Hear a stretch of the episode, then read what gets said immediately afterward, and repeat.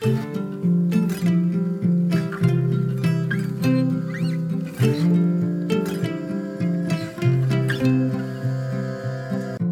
och välkommen till For Health med Anna Sparre. Så undviker du fukt och mögel i ditt hem. Vad alla behöver veta. Innemiljön du bor i är starkt kopplad till din hälsa. Men hur bör man hantera sitt hem? Och hur vet man om hemmet man bor i eller ska köpa har problem? Här blir det saker som alla borde veta, helst redan innan de skaffar ett första hem. Ett riktigt hands-on avsnitt med massor med tips för hur du undersöker ditt befintliga hem eller ett hem inför bostadsköp. Och vad ska du tänka på i ditt hem för att inte fukt och mögel ska kunna bildas? Allt från att stänga badrumsdörren för att undvika fukt till hur du tittar på golv och väggar för att upptäcka problem. Hur fungerar mögel? Varför och när bildas det mögel i hus?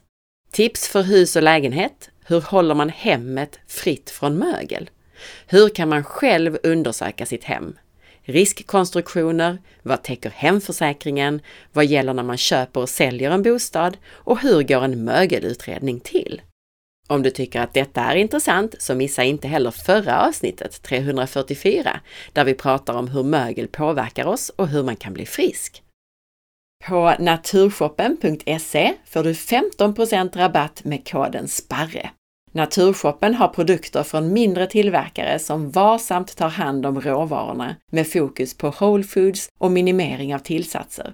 Där hittar du bland annat torskleverolja, kapslar med lever från gräsbetesdjur, talg, vitaminer, mineraler och Europas enda leverantör för RCP-protokollet. Super Symbiotics kosttillskott är en blandning av probiotiska bakterier och kostfibrer där fibrerna fungerar som matsäck till bakterierna på deras väg ner till tarmen. Om det och mycket annat lär du dig i podcastavsnitt 320.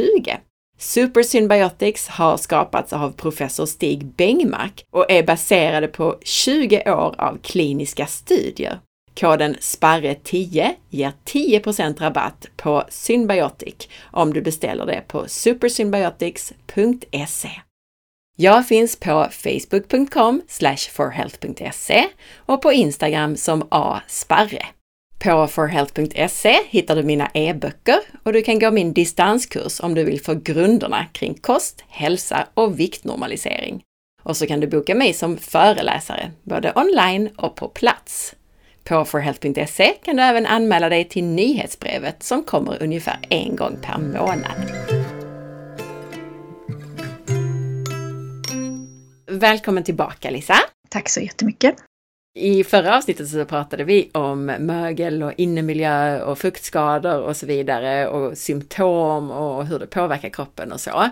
Och idag så tänkte jag att vi ska prata framför allt om tips för hus och lägenhet. Alltså mm. vad man kan göra själv och sådär. Och om man ska köpa hus men också där man bor så att säga.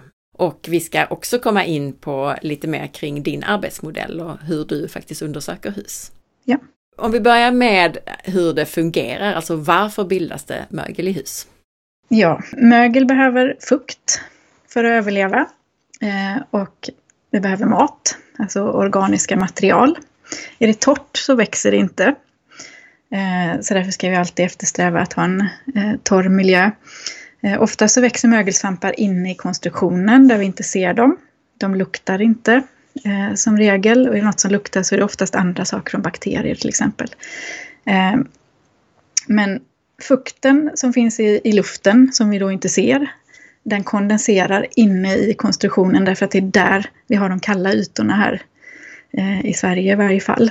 Eh, I andra länder kan det vara medelhavsklimat till exempel. Där har vi den kalla ytan på, på väggen där man ser mögelpåväxten. Men här i Sverige så är det inne i konstruktionen som det blir kallt. Och där kommer eh, fukten att landa.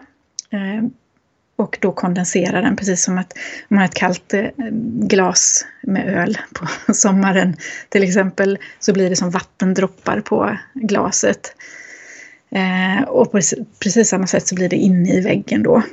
alltså rinna. för att vi har det varmare inomhus än utomhus? Eller? Ja, det är fukt, fukt i luften som då träffar den här kalla ytan och då blir det ång, ånghalten så att säga blir istället till eh, fukt, eh, alltså droppar. Och fukt i luften inifrån eller utifrån? Jag tänker just på inifrån. inifrån. inifrån. Ja. Och vad är då skillnaden mot utomlands menar du med det? Eh, att där har vi inte en sån eh, konstruktion eh, utan där har du den kalla ytan på för, att det kyler inte på utifrån då. Ah, Okej, okay, så det är själva konstruktionen, det har inte med temperaturen så mycket att göra som med konstruktion, att man konstruerar hus som är enkla Nej. stenhus till exempel istället för de här isolerade Ja, precis. Och så har det, det, blir liksom inte kalla ytor inne i, utan kondenspunkten hamnar på själva ytan. Mm. Eh, Medan här i Sverige så har vi en, en kall yttervägg eh, och så har du kalla ytor inne i väggen. Medan ju längre in du kommer mot innemiljön så blir det ju varmare. Men den fuktiga luften kan ju ändå leta sig ut då, om det inte är ett toppen modernt hus som är jättetätt. Eh, men den här fukten den kommer ju från allt vi gör i hemmet så den kommer ju inte liksom utifrån eller ett medelhavsklimat nödvändigtvis utan när vi lagar mat, kokar saker, eh, tvättar, duschar, städar, diskar, eh, stryker, torktumlar eller hänger tvätt så, så blir det ju fukt till luften. Ehm, och sen så finns det ju andra källor till fukt också då som läckage det läcker någonstans något rör eller eh, att det läcker in utifrån när det regnar. Eh, vi har byggfukt.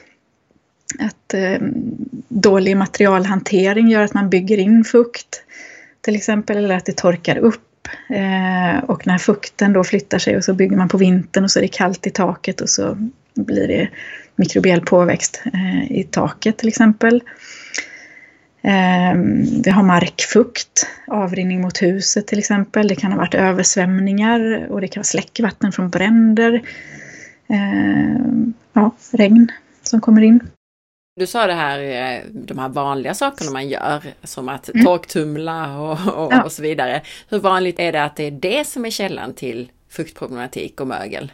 Väldigt vanligt. och då har man ju för dålig ventilation. Eh, och det, har, det är ett vanligt problem, att man har dålig ventilation. Eh, speciellt i äldre hus då. Eh, och att man eh, har kanske tilläggsisolerat, att det blir tätare. Eh, och så har man bytt värmekälla kanske, att det inte torkar upp som det gjorde förr i tiden när man hade andra värmekällor, eldade med ved till exempel och värmde upp hela konstruktionen. Man har tagit bort den upp, uppvärmningskällan. Eh, och sen så använder huset på ett annat sätt idag och duschar mer. Fler personer som duschar varje dag till exempel. Så att det blir mer fukt. Och, eh, och så har man kvar samma ventilationssystem, det vill säga inget alls utan självdrag. Mm. Eh, och då ventileras fukten inte ut som den ska. Jag tänkte på det här då du sa i förra avsnittet om att man kan ta hand om skadan. Och så. Jag tänker så här om det till exempel läcker från taket och så mm. får man liksom en fuktskada och så tar man bort den och så är det fixat ja, med, med vissa eh, disclaimers som vi pratar om idag i förra avsnittet. Mm. Men jag tänker då om då skadan kommer av att eh, vi har dålig ventilation och, och torktumlar och så vidare i ett sådant rum. Om vi då förbättrar ventilationen, mm. räcker det då eller är skadan redan skedd så att vi måste Ja, det kan ju vara så. Det kan ju vara så att det redan finns skador i isoleringen till exempel då eh, inne i konstruktionen. Och det är det här som är utmaningen som utredare. Mm. Man kan ju inte liksom öppna upp alla väggar. Eh, ibland blir det så. Eh, och i synnerhet om man har köpt ett äldre hus och tänker att man ska ändå renovera alla ytskikt. Då får man ju riva ut liksom all isolering och kanske vissa reglar och annat som har blivit skadat. För bara byta eller, eller bättra ventilationen kommer ju bara göra att man får, att det inte uppstår fler skador.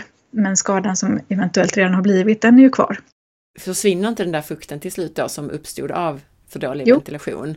Så till slut så finns det ingen, ingen mat så att säga i form av fukt för möglet, eller? Nej, precis. Men där, och där pratar vi om torra skador och en torr skada är också en skada. Så att, och det gäller ju också om man haft ett eh, inläckage, att det regnar in i ett fönster som är felkonstruerat till exempel. Och så fixar du det. Alltså man tar bort orsaken till att det kommer in vatten, man tätar eh, skadan. Då kommer ju den här skadan att torka upp. Eh, vilket kommer göra att den börjar producera mer mykotoxiner kanske, att det blir mer porösa material när skadan blir torr. Och då avges eh, partiklarna i större utsträckning. Så att en torr skada kan ibland vara betydligt värre än en fuktig skada där man ändå håller partiklarna lite mer samlade är det lite så här, eh, nu håller jag på att dö för att jag får inte fukt, så då avger jag mer gift. Är det en sån ja. reaktion? Okej. Okay. Mm, det men, kan vi prata om. Men till slut så börjar väl även den, eh, alltså till slut så dör den verkligen, eller? Nej, det dör inte. Eh, så att mögel eh, själv dör inte. Eh, utan man måste ta bort den skadan mm. helt och hållet. Och, och det är också det som är svårt när man springer runt med en fuktmätare och ska hitta skador. Att även om du sticker en skada och den är torr och så ser jag att men här är ju en eh, torr fuktskada. Då måste jag ändå ta bort den skadan för att eh, immunförsvaret bryr sig inte om ifall skadan är torr eller fuktig. Det reagerar ändå. Du och jag har pratat en del om riskkonstruktioner att titta efter. Mm. Och särskilt då när man köper hus. Men det kan ju också vara bra att känna till vad man har för riskkonstruktioner i sitt eget hus så att man vet lite var man kan börja leta någonstans. Mm. Så vilka är detta? Ja, då pratar vi ju krypgrund eh, och torpargrund till exempel. Eh, och just av den anledningen som jag sa då att man torkar inte ur den längre. Ehm, det funkar ju om man håller konstruktionen torr och det gör vi ju inte idag då genom att elda och torka ur den. Eh, så det är riskkonstruktion om man inte då har åtgärdat. Men avfuktare och täcka marken och vad man nu behöver för åtgärder kan vara lite olika. Källare kan också vara en riskkonstruktion. Eh, det är problemområden och i synnerhet om man då inreder källaren och använder den som boendemiljö, vilket ju faktiskt inte var tänkt från början att man skulle. Ehm, så så blir det problem. Mer fukt, eh, mer, fler organiska material till exempel. Eh, har du en inredd gillestuga till exempel så bara riv ut allt. Behöver inte ens göra en utredning, riv ut.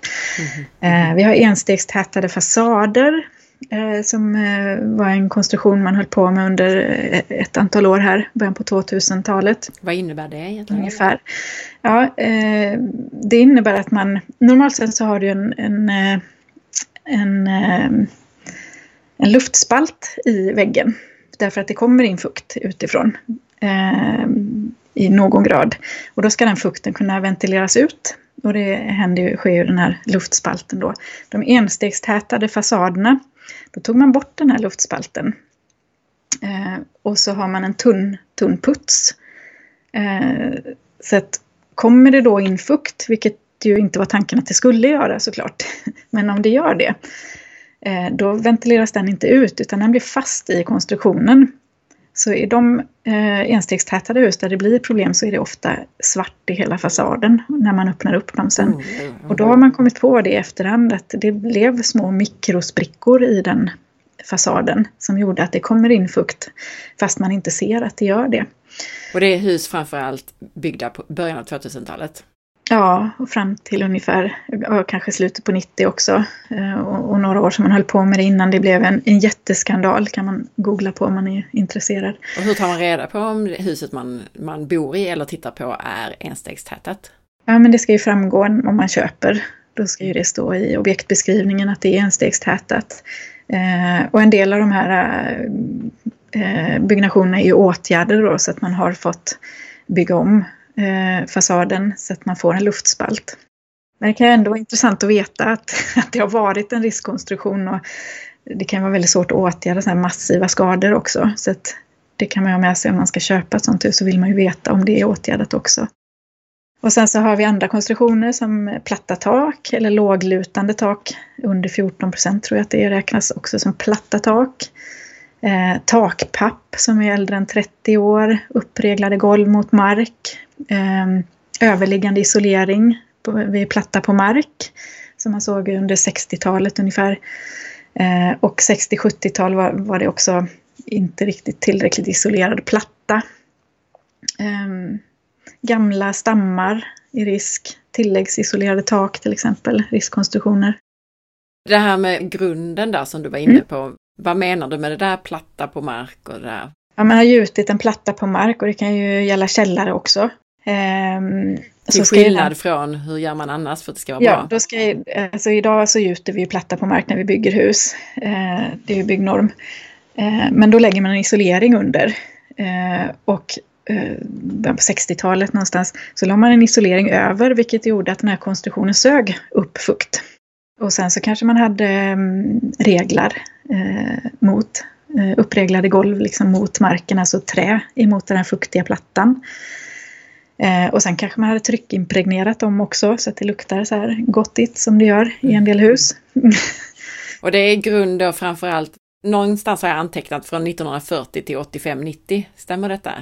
Ja, nej men 60-talet kanske var, 50-60-talet kanske var värst och sen så, så börjar man liksom bli bättre och bättre på det här men 70 och ibland 80-tal så kan man se plattor som inte var tillräckligt isolerade eller inte isolerade överallt. Um, så att eh, någonting sånt innan 1940 så var man ju bättre på att bygga hus. Ja, det var någon som sa också, riktigt gamla hus, om man då inte förändrar en massa saker som du sa, mm. inreder källare och så, alltså har de stått i några hundra år till exempel så, så lär de stå ett par hundra år till. lite sådär. Ja, nej, men så länge man har underhållit då. Det är, mm. den, det är problemet att det har börjat, alltså att man inte har bytt tak. Mm. Eh, så kan det ju börja regna in och så får man problem av den anledningen. Eh, men har man underhållit ett hus som är byggt, som är hundra år gammalt, då är det ju bra konstruktioner som regel alla sådana här genom, vad kallar man det för, alltså att, att man stoppar in ett takfönster eller mm. gör en takkupa? Ja precis, man bryter konstruktionen eller genomföringar. Köksfläkten ska ut någonstans och, och så ska det gå en plåt som ska vara bockad korrekt och det gäller ju fönster och allt möjligt. Mm. Också att eh, där finns ju risk för, så att även om det varit en liksom professionell fönsterfirma där Eh, så har de kanske slarvat med någonting och så kommer det in vatten och så upptäcker du det 11 år senare när eh, garantin har gått ut. Och då har du stora problem i hela fasaden förmodligen. Ja, vi ska komma in på det också, vad man har för garantier som köpare och säljare mm. och så vidare. Hur kan man själv då undersöka sitt hem eller undersöka hus vid en visning? Mm. Vad kan man tänka på själv och titta på? Ja, man tänker att man går in i ett hus då man ska köpa till exempel. Ehm, så kan man ju först börja känna lukter. För lukt är någonting som man vänjer sig vid så att det blir svårare om man redan bor i ett hus. Men andra människor kan ju lägga märke till lukter, eh, vilket kan vara känsligt att påpeka. Ehm, men det är en indikation, allting som luktar instängt eller källare eller jordkällare eller lite så jord eller potatis. Eh, eller den här typiska mögellukten som man brukar säga som vi har förknippat med mögel men som kanske egentligen är pentaklorfenol, alltså den här behandlingen av trä, tryckimpregnering som vi pratade om. Den lukten kan vara en indikation på att, att någonting är fuktpåverkat. Så alla typer av lukter ska man vara uppmärksam på. Ehm, en del vet jag har som rutin att säga till mäklaren att inte använda doftljus.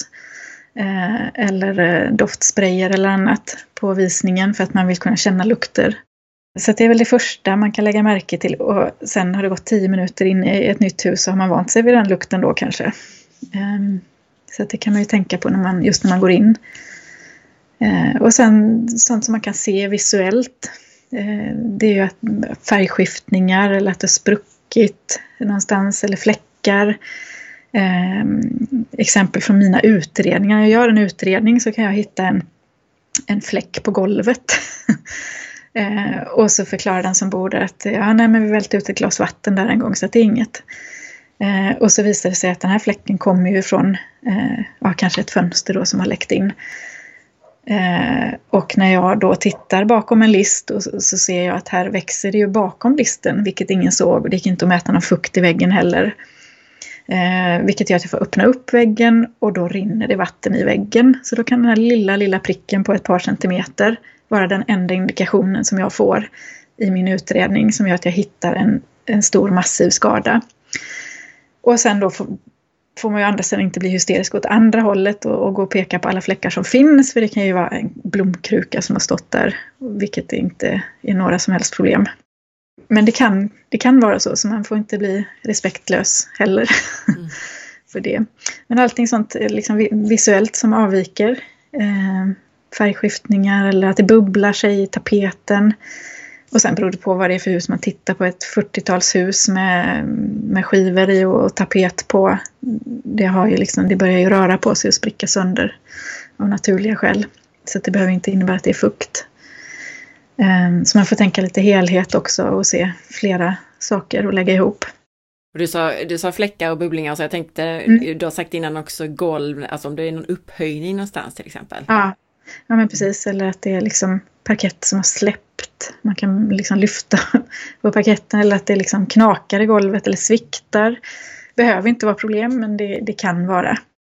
Eh, är det källare liksom, eller puts eller betongväggar, att man kan, man kan ha en liten kniv med sig när man går på visning och sticka lite och se om det är poröst till exempel. Får, får man det? Man byter ju sönder saker. Eh, men nu rasar det redan ner så är det nog ingen fara. man kan gå in i duschen och så kan man knacka lite på kaklet eh, och leta efter bomljud.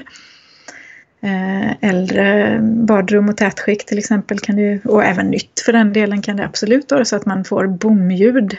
Eh, och med bomljud menar jag att det låter på ett annat sätt. Att det inte är det här vanliga klinkandet som blir när man slår eh, jag brukar använda min kniv eller baksidan, skaftet och, eh, knacka med på kakelplattorna. Och då klinkar det lite grann så här i kaklet, eller klinkersen. Och så helt plötsligt så kan det låta lite mer bom, som lite stumt. Mm. Och då, har, då kan det bero på att det, fukt har gjort att just den plattan börjar släppa. Och då kan ju det vara en indikation. Ja, vad mer? Man får tänka lite som vatten. Alltså skador finns där vatten finns. Eh, och vatten kan det bli för att det är ett inläckage, för att rör läcker. Eh, eller att det, ja, det är kök och, och, badrum som har vatten annars och tvättstuga. Att man kan titta lite extra, titta in under vasken liksom i köket. Ibland kan man ju se att det har läckt där när man går på visning. Eh, så det kan vara ganska uppenbara problem som man faktiskt kan upptäcka själv utan att göra en besiktning. Sen ska man ju alltid, alltid, alltid göra en besiktning också. Ehm, men man, det, här är saker som man kan liksom kolla själv i sitt egna boende också och ha lite koll på också löpande. Eh, och likadant har man en vind, som vi pratade om genomföringar då. Att man tittar eller man har skorsten runt den. Till exempel om man har skorsten där köksfläkten går upp. Eh, ventilationer är också slags genomföringar. Så att man tittar då på vinden i där skorstenen går igenom så att säga ifall det kan ja. finnas en fuktfläkt där till exempel. Ja, eller det finns liksom eh, mögelstoppers eller andra liksom sådana här öppningar som finns i taket då, så att det inte läcker in där. Och det här med att man till exempel då i källarvägg kanske framförallt kollar ifall det är poröst så att säga. Mm. Kan du förklara ännu mer hur man märker det? Ja, det kan ju dels så, så bli, blir det ju kalkavlag eller utfällningar då om det är fuktpåverkan i, i betong eller den typen av material. Så då kan man ju se att det är lite vitt, till exempel att det går som en rand eh, några centimeter ovanför eh, golvet eh, och upp i väggen. Kan det vara färgskiftningar, eh, men det kan ju också vara att putsen släpper. Eller väggen börjar, att man kan sticka en kniv i, i väggen och så rasar det ut. Mm. eh, och då är det fuktpåverkat. Eh, och då kan man fråga om det är dränerat till exempel. Och det kan ju vara nydränerat men så har det stått i 40 år innan man dränerade och har hunnit bli, alltså bli stora skador. Då behöver man ju åtgärda dem också, även om det är bra att det är dränerat. Under fönster och så, hur kan man mm. kolla där? För jag vet ju att fönster är också en sån här riskgrej. Ja, det kan ju vara. Det ska ju inte vara det om det är korrekt gjort, så att säga. Men, eh, man kan skaffa en fuktmätare för all del och som är på en på, på visning eller ha hemma. Det tycker jag att alla som bor någonstans mm. borde ha en fuktmätare och gå och kolla. Sen kanske man inte kan gå och sticka i allting och göra små hål. Mm.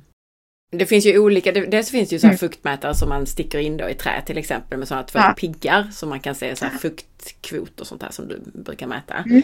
Men sen finns det ju också sådana här eh, mer indik indikatorer så att säga, sådana som mäter med radiovågor så man bara kan få, alltså de ger ju inget absolut värde men man kanske kan se skiftningar tänker mm. jag.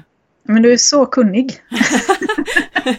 Nej, men det är, det, är, faktiskt inte alltid så att man gör skillnad på det här i branschen utan man säger att man har gjort en fuktmätning så har man bara indikerat. Ah. Men en fuktmätare kan ju alla liksom mäta med överallt utan att man förstör någonting.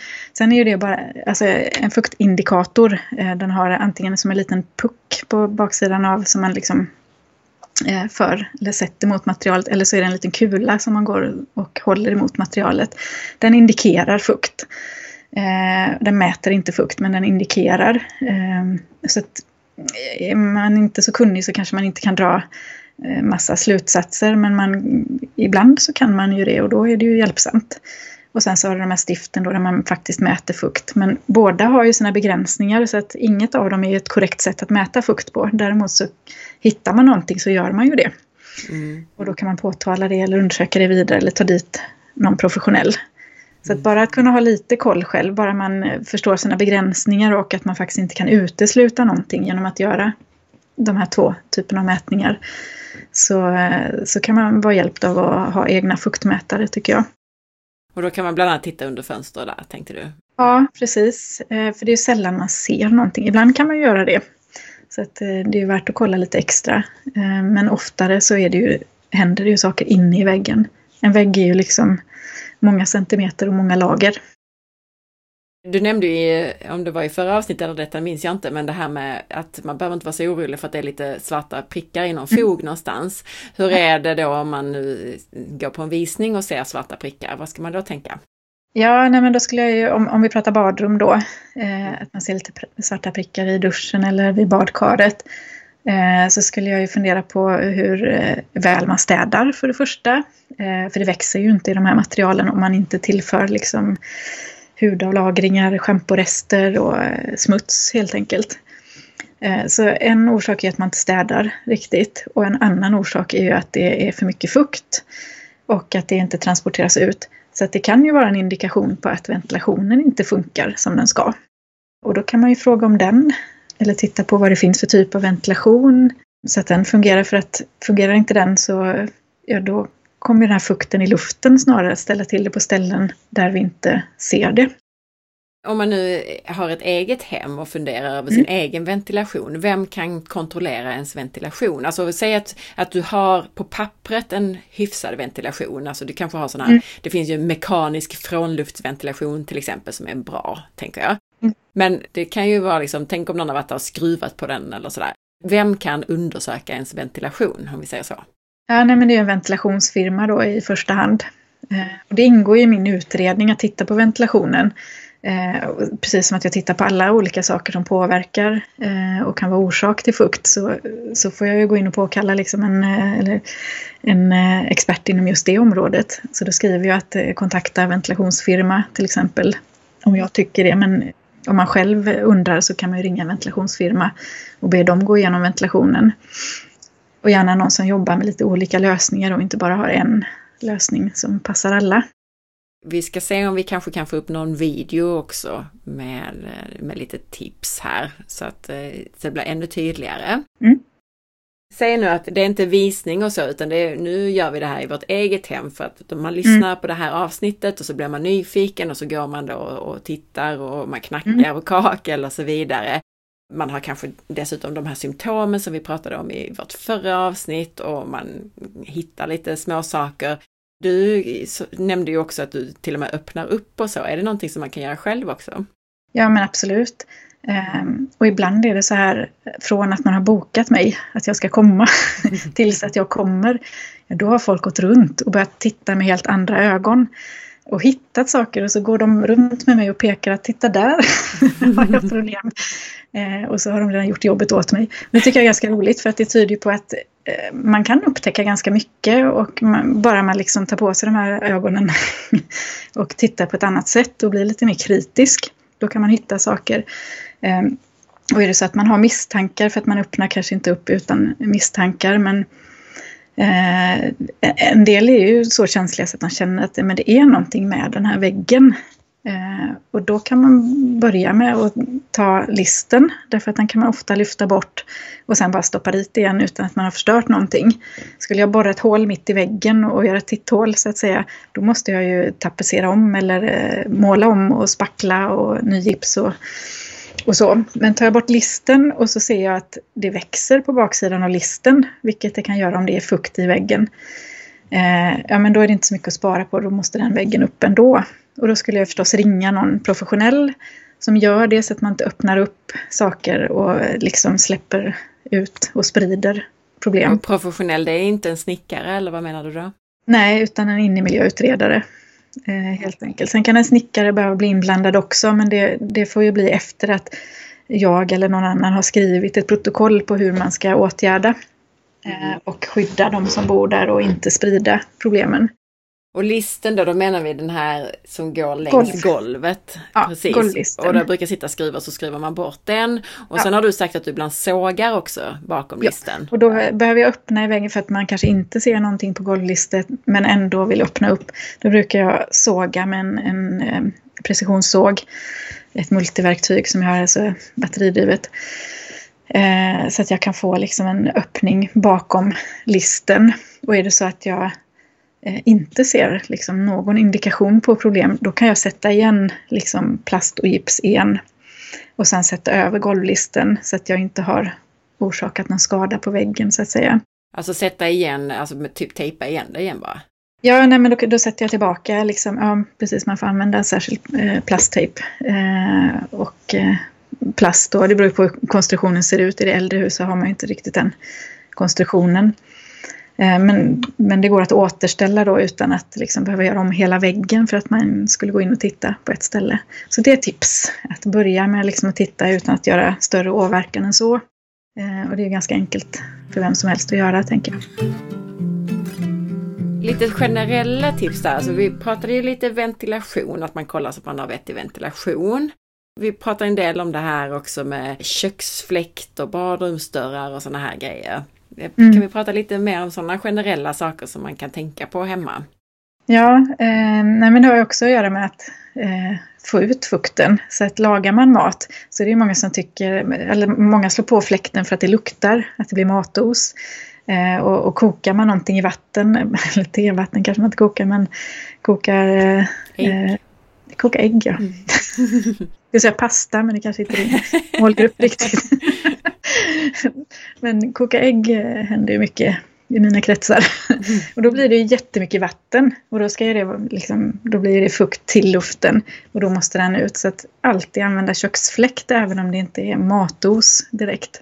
Och samma när man har duschat. Eh, en del har fuktstyrd ventilation så att det går på automatiskt. En del har ventilation från luft som går hela tiden. Medan andra får slå på ventilationen och i värsta fall har man ingen alls. Eh, och då får man ju nästan öppna ett fönster om man har det. Men när man har duschat att man eh, tänker på att stänga dörren. Vilket många tror tvärtom. Eh, för man vill inte släppa ut den fukten till bostaden så att säga. Utan fukten ska vandra från bostaden och ut till kök och badrum eller tvättstuga eller där man har frånluft så att säga. Och sen ska den ut Eh, så att säga. Den ska inte gå åt andra hållet. Utan stäng dörren och luften kommer ändå vandra för att det, det finns en liten glipa längst ner. Eh, om det inte är felkonstruerat så, ska det, så, är det, så är inte badrumsdörren tät så att säga utan luften ska kunna vandra från bostaden, sugas in i badrummet och ut. Och det kan man känna om man står på insidan av badrummet, alltså i badrummet och så stänger man dörren så känner man att det drar eh, runt fötterna där. Ja. Är det ändå vettigt att öppna fönster även om man har en vettig ventilation eller är det, är det värre? Ja, nej, men det kan det vara. Mm. Det, man kommer ju ha eh, 90 någonting procent luftfuktighet. Okej, eh, under så även om det är minuter 80 kanske. ute nu på hösten så är det ändå, ändå mindre ute än vad det är inne. Ja, men det är det. Så att eh, se över ventilation, eh, köksfläkten ska man alltid använda, man ska stänga sin badrumsdörr och kanske till och med öppna ett fönster i badrummet. Jag vet att du någon gång nämnde sån här hypoklorsyra. Eh, Mm. Berätta lite om det, hur man kan använda det. Ja, som jag jobbar med inomhusmiljö så, vill, så förespråkar ju inte jag att man använder en massa medel överhuvudtaget som eh, förorenar, som parfymerade produkter eller kemiska ämnen eller sådär. Så där är ju hypoklorsyra outstanding. Eh, och i synnerhet om man vill städa kakelfogar eh, eller duschen eller toaletten eller så. Hypoklorsyra är salt och vatten som har gått igenom elektrolys. Eh, och då bildas hypoklorsyran som är helt giftfri. Det finns också enormt mycket studier på det här. Eh, och man har också sett i laboratoriemiljö att det dödar eh, sporer. Men det är ju inte tänkt att använda som saneringsmedel för det. Men däremot torka ytor och städa med hemma är ju toppen för att liksom kontrollera sporerna. Som man ju alltid har mer eller mindre av. Något annat nu när vi pratar, tänker jag, om eh, att undersöka sitt hem och så här, eh, och man upptäcker saker. Vad täcker hemförsäkringen egentligen? Ja, stort sett ingenting. för att man förväntas eh, veta vad man behöver göra eh, för att ta hand om sitt, sin bostad som man har köpt. Så att det hemförsäkringen täcker det är plötsligt uppkommen skada, eh, heter det begreppet, som innebär att eh, läcker diskmaskinen helt plötsligt och den inte är 50 år gammal. Eh, utan att det händer någonting. Det finns ju mycket um, vattenkopplade maskiner nu i, i köken. De kan ju börja läcka um, och händer det någonting sånt eller att ett träd ramlar ner eh, och gör hål i taket och det börjar regna in. Eh, den typen av skador som är plötsliga och, och, som inte har med ditt egna underhåll att göra så att säga. Där kan försäkringen täcka. Och då handlar det ju inte om att åtgärda mögelskador för det ska ju inte ens uppstå då utan man åtgärdar ju innan det blir problem. Eh, men man får ersättning kanske då för att lägga nytt golv i köket när diskmaskinen läckte eh, och torka upp betongen under eller vad man nu behöver göra. Jag tänkte på det här du sa, man förväntas veta vad man behöver göra. Det är ju intressant att många vet ju inte det. Alltså Nej. jag hade inte full koll på det här som du säger med köksfläkten och stänga badrumsdörren alltid och så. Eller att man kontrollerar alla, eh, sin ventilation och sådana här grejer. Jag tänker det är väl, jag gissar att det är vanligare att man inte gör de här sakerna än att man gör Nej, men, dem. Nej men precis, att man har en källare och sedan inredd. Man köpte ett 70-talshus med en gillestuga. Mm. Och det står till och med på besiktningsprotokollet att det här är en risk. Men det har man inte liksom tagit till sig av då. Eller man förstår inte, man vet inte. Man borde lära sig lite mer sånt här i skolan tänker jag, eller hur? Ja, precis. Jag mm. brukar prata om att det borde finnas ett körkort när man köper hus. Men det gäller ju alla som bor någonstans. Att, eh, ja, men lite allmän koll. Eh, så det kan man hålla utkik på efter på min sida för det tänker jag nog att det ska komma lite mer den typen av utbildningar för den som är intresserad, vilket ju alla borde vara. Så när man då ska åtgärda som sin källare då, så, så den frågan får jag alltid, men täcker försäkringen där? Nej, det gör den inte. Så den täcker ju inte underhållsproblem och inte ens, Nej. och då tänker jag alltså dels det här med rätt ventilation och sådär. En sak som vi inte har tagit upp är också det här att man håller det uppvärmt på vintern. Jag tänker ju sommarstugor mm. och sådana här grejer. Vad händer där då? Ja, och det här är ju inte bara sommarstugor längre då efter förra årets eh, elkris, utan eh, det här ser jag ju effekterna av nu faktiskt, där man har fått mögelpåväxt på grund av att man har kallställt sitt hus eller delar av huset är ju ännu värre. Det är en sak att kallställa huset och inte vara där och alstra en massa fukt. Eh, men när du eh, stänger av i ett rum och så fortsätter du att tillföra fukt i resten av huset, då kommer ju den fukten landa inne i det här kalla, kalla rummet och så blir det, börjar växa mögel på allt. Så det är ett problem. Sommarstugor kan man ju tänka att man värmer upp eh, lite grann så, så kan man klara det. Och det behöver man ju kanske ändå göra så att inte vattenledningar och annat fryser. Man får tråkiga överraskningar. Men det här med att liksom dra ner på värmen i, i huset där man bor, eh, det har blivit stora problem, jag är helt övertygad om. Om det nu är så, om man har haft ett, eh, ett för kallt rum till exempel, var brukar det börja växa mögel? Är det inne i konstruktionen som det växer först eller brukar det vara på saker i rummet? Alltså hur... Ja, det kan ju växa inne i konstruktionen då, det är där det blir kallast. Mm. Men blir det riktigt illa så kan det bara växa på i stort sett allting och i synnerhet om man har pappkartong eller gipsväggar eller tapet eller sånt. Det är ofta att man liksom ställer undan grejer där då i, i pappkartonger och så börjar det växa på det och på kläder som ligger i då till exempel textilier. Om man då rensar ut och slänger allt det, är då ändå problemet kvar i konstruktionen i det? Det kan det ju vara. Men inte alltid eller? Så att man behöver inte tänka att okej, okay, nu är allt kört, eller hur? Ja, jag hade ju börjat med att eh, städa ur rummet och ta bort allting som man ser och sen kanske ta ett mögeltest då. Mm, Okej, okay. och kanske öppna bakom någon lista och kolla? Eller? kan man göra. Mm. Mm.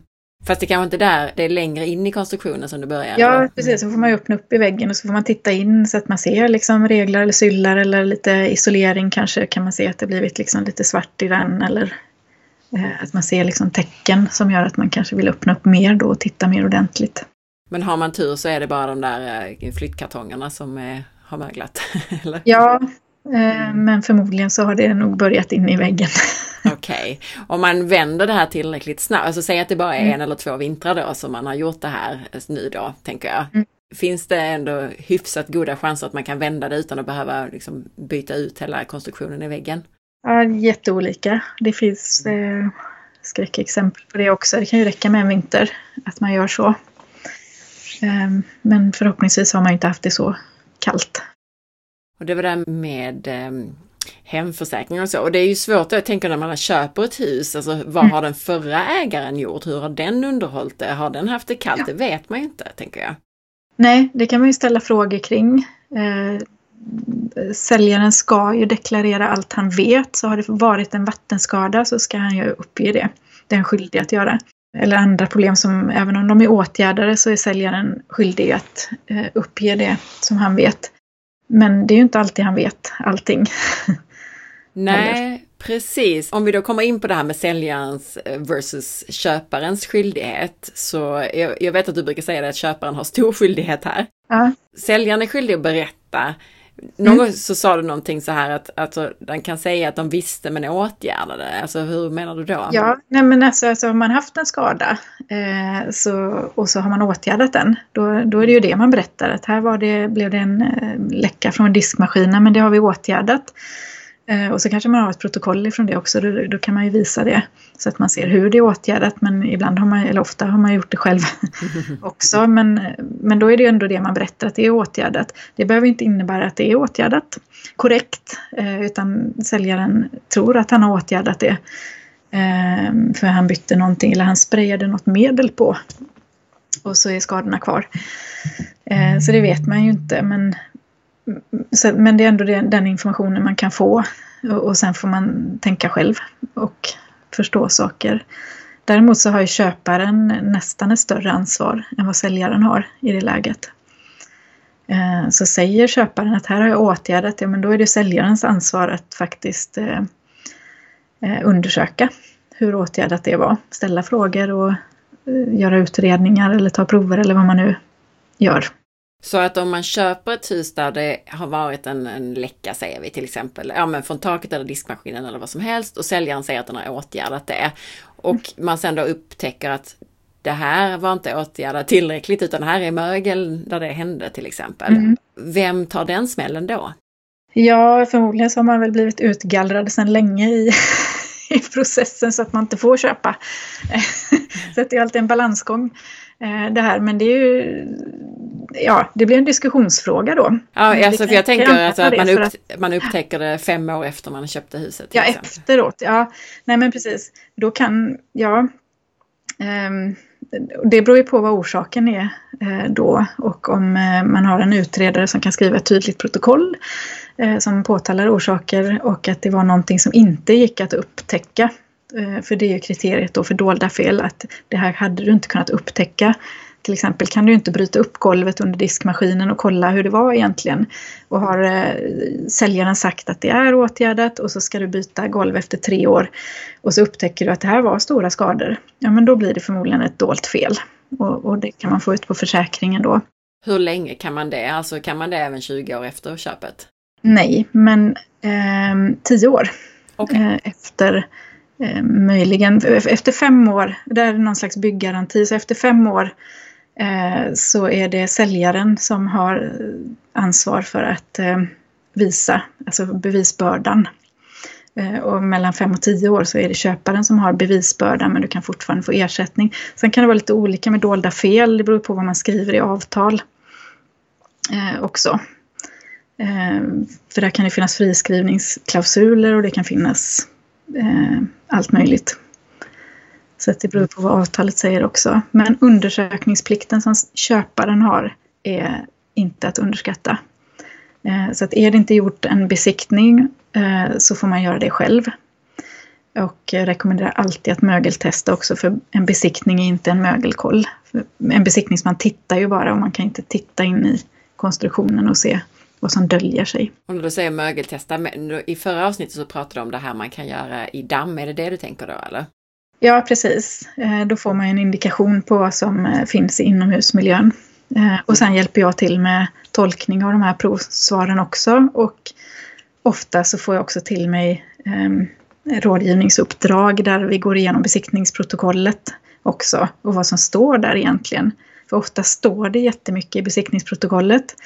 Vilket jag eh, får till mig när jag gör en utredning sen och det redan är för sent för att man inte hade förstått vad det stod att man hade behövt åtgärda. Så det kan vara bra att veta innan man köper att har du inte kollat upp det här eller åtgärdat det här så kan det bli den här kostnaden. En sak som eh, vi också eh, väldigt kort touchade på i förra mm. avsnittet var det här med mögelhund som markerar på fel ställe. Kan du förklara det? För det gjorde vi aldrig i det avsnittet.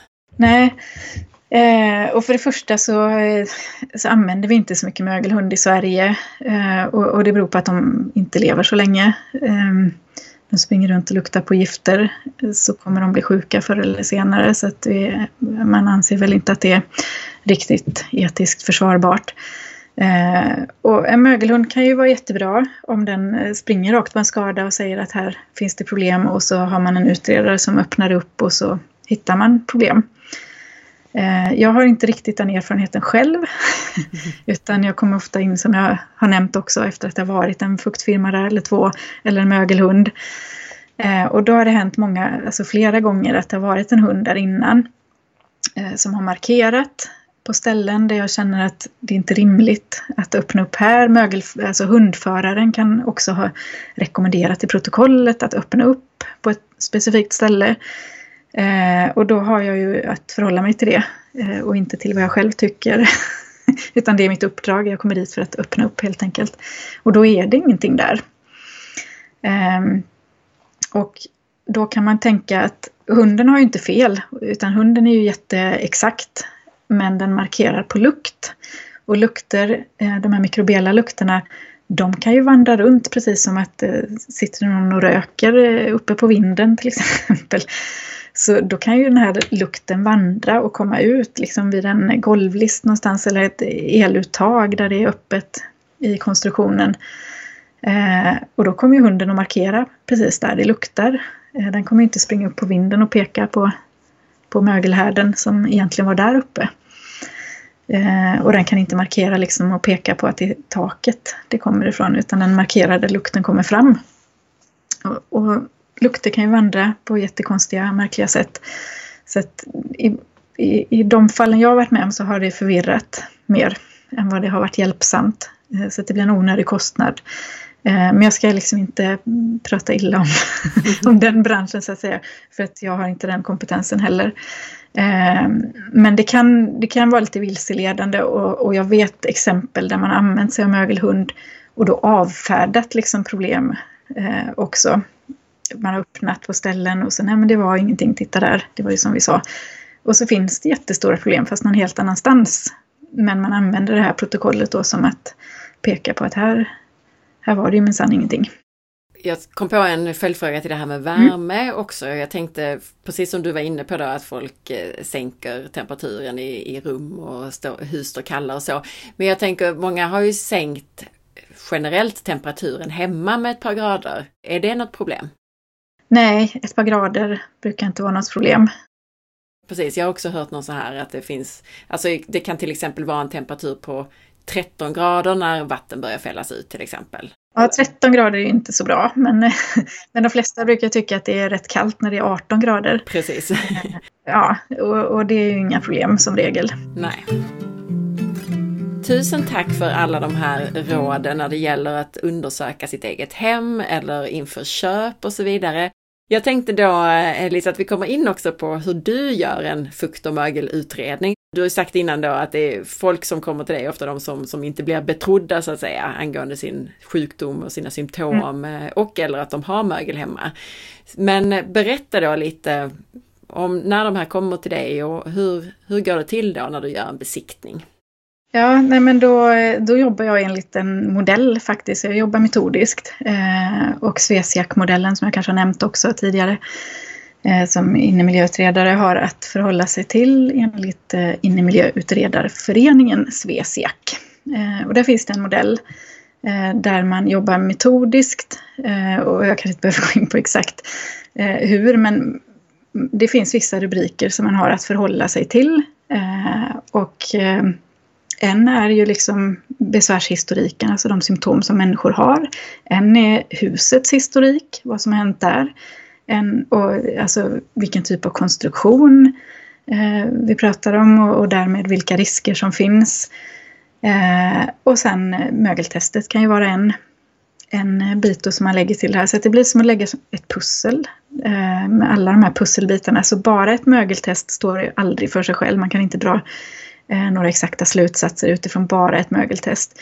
Man kan inte dra slutsatser bara utifrån symptom. Utan man lägger ihop alla de här bitarna och gör bedömningar. Eh, så först börjar jag med att sätta mig ner och gå igenom ritningar och eh, kanske om det finns tidigare besiktningsprotokoll och vad man har anmärkt på där eller inte anmärkt på. Fanns det som jag ser, fanns det tidigare? Och så, titta på konstruktionen.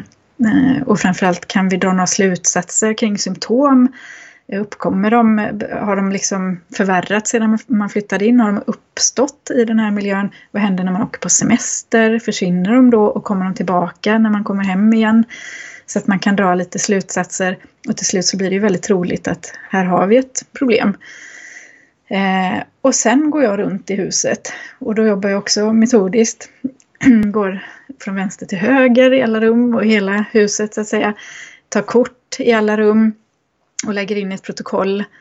Eh, mäter det jag kan då utan att liksom öppna upp varenda vägg. Eh, ibland använder jag värmekamera för att eh, kunna dra, eller se saker som jag inte kan se med blotta ögat. Eh, och så mäter jag, indikerar fukt, Eh, mäter fukt, fuktkvot eh, med fuktmätare i de fall där jag kan sticka. Eh, I vind och källare brukar man kunna göra det till exempel. Ehm, och så går jag igenom hela huset. Eh, och det här utgör då den första inventeringen som man säger. Och sen vanligen då så skriver jag ett protokoll utifrån det och ofta så hittar man någonting att eh, åtgärda. Man kanske har en gillestuga som jag pratat om. Mm. Då behöver den rivas ut oavsett. Eh, därför att har det inte blivit problem så, så kan det bli det, det är en risk. Um, och sen ser man vad man hittar där då. I, min, I mitt protokoll kan det också stå att jag rekommenderar en fördjupad utredning. Och då kommer jag tillbaka och då har jag bildat mig en uppfattning och tänkt igenom saker. Analyserat och, och räknat. Eh, räknat ut fukttillskott till exempel. Eh, och så har jag en plan på vad jag vill börja att öppna därför att här eh, är en riskkonstruktion, då vill jag börja där. Det är störst eh, sannolikhet att det har blivit ett problem just där till exempel. Eh, och så, ja, så börjar man öppna upp helt enkelt då i den fördjupade utredningen eh, och gå igenom saker metodiskt. Så att så i stort sett går en utredning till. Okej, okay, så att du går på ritningar och besiktningsprotokoll, du hör dig för om symptom och du jobbar metodiskt, du, du tittar och går så att säga i varje rum. Och mm. Eh, så var du inne på det här att du mäter fukt i luft, den här fukttillskottet, den här relativa fukten. Alltså hur mycket mer är det jämfört med utomhusluften, är det det? Eller? Ja, den absoluta fukten är det faktiskt. Mm. och den är beroende av den relativa fukten. Men fukttillskottet är den absoluta fukten i gram mätt per kubikmeter luft. Och tillskott betyder jämfört med hur mycket det är utanför huset? Exakt så, precis. Det är det vi tillför genom att duscha och laga mat och allt det här. Koka ägg. Jag tror många tänker då att ja, nu det är höst, att det är fuktigare mm. utomhus än inomhus. Men det är inte så eller? Nej, utan vi har den fukten eh, plus det vi själva hittar på inomhus. Och så sa du vi misstänker, så öppnar du upp och är det då till exempel det som vi pratar om att man faktiskt till och med kan göra själv det här med att man öppnar upp och kollar bakom listor och sådär? Ja, det är ju så jag börjar öppna upp, men det beror lite grann på också hur det ser ut och vad jag har för misstankar eh, och så. Men man börjar ju alltid att öppna så skonsamt som möjligt så att det inte blir... Det är ju återställningen som kostar pengar. Mm. Eh, det är inte min utredning faktiskt som blir det dyraste utan det är ju åtgärderna. Att ska du riva ut saker och återställa det, då kostar det pengar. Så det är snickarna som tar pengarna. Ja, jag förstår. Och jag kom på en sak till, för nu har du nämnt gillestuga några gånger. Om någon mm. inte vet vad en gillestuga är. Ja, så är det en källare där man har satt en träpanel emot den fuktiga källarväggen. Och det kan ju också vara golv som man har lagt på källargolvet, att man har lagt ett eh, trägolv på till exempel.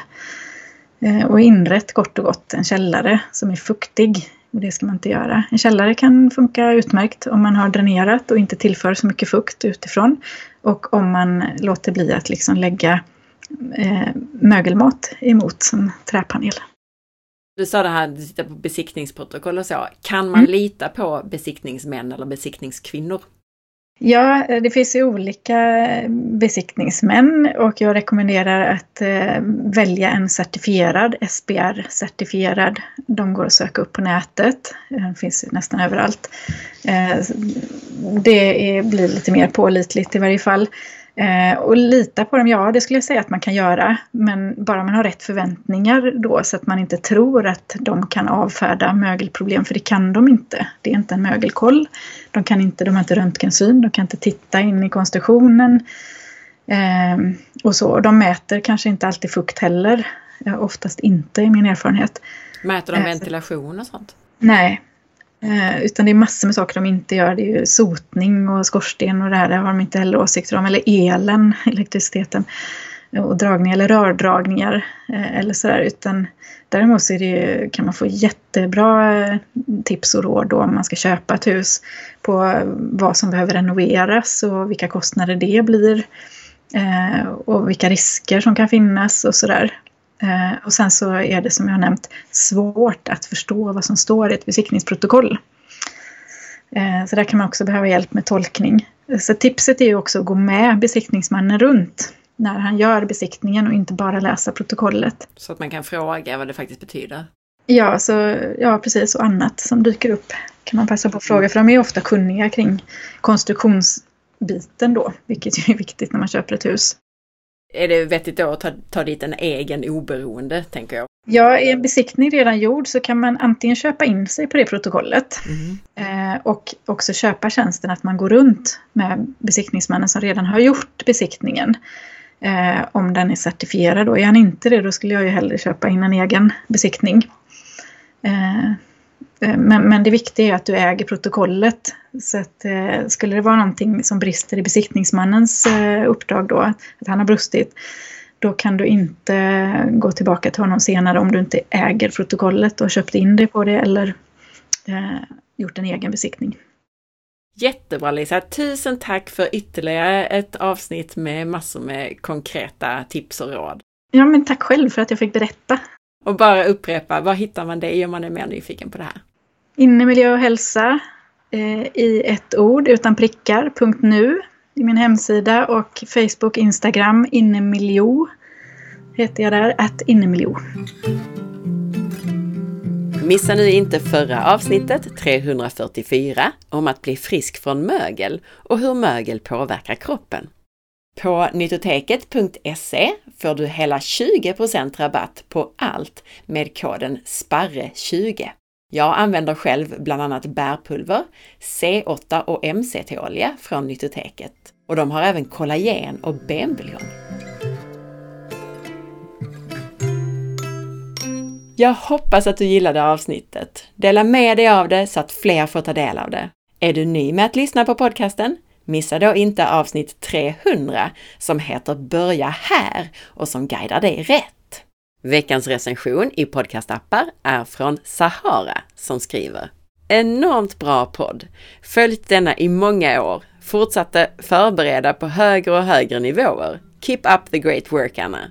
Följ med på facebook.com forhealth.se där du kan hitta avsnittsinformationen till det här avsnittet som du kan dela och där du flera gånger i veckan hittar nya hälsotips. Följ också mig på Instagram via asparre och titta in på bloggen på forhealth.se. Ha nu en fantastisk dag så hörs vi snart igen. Hej då!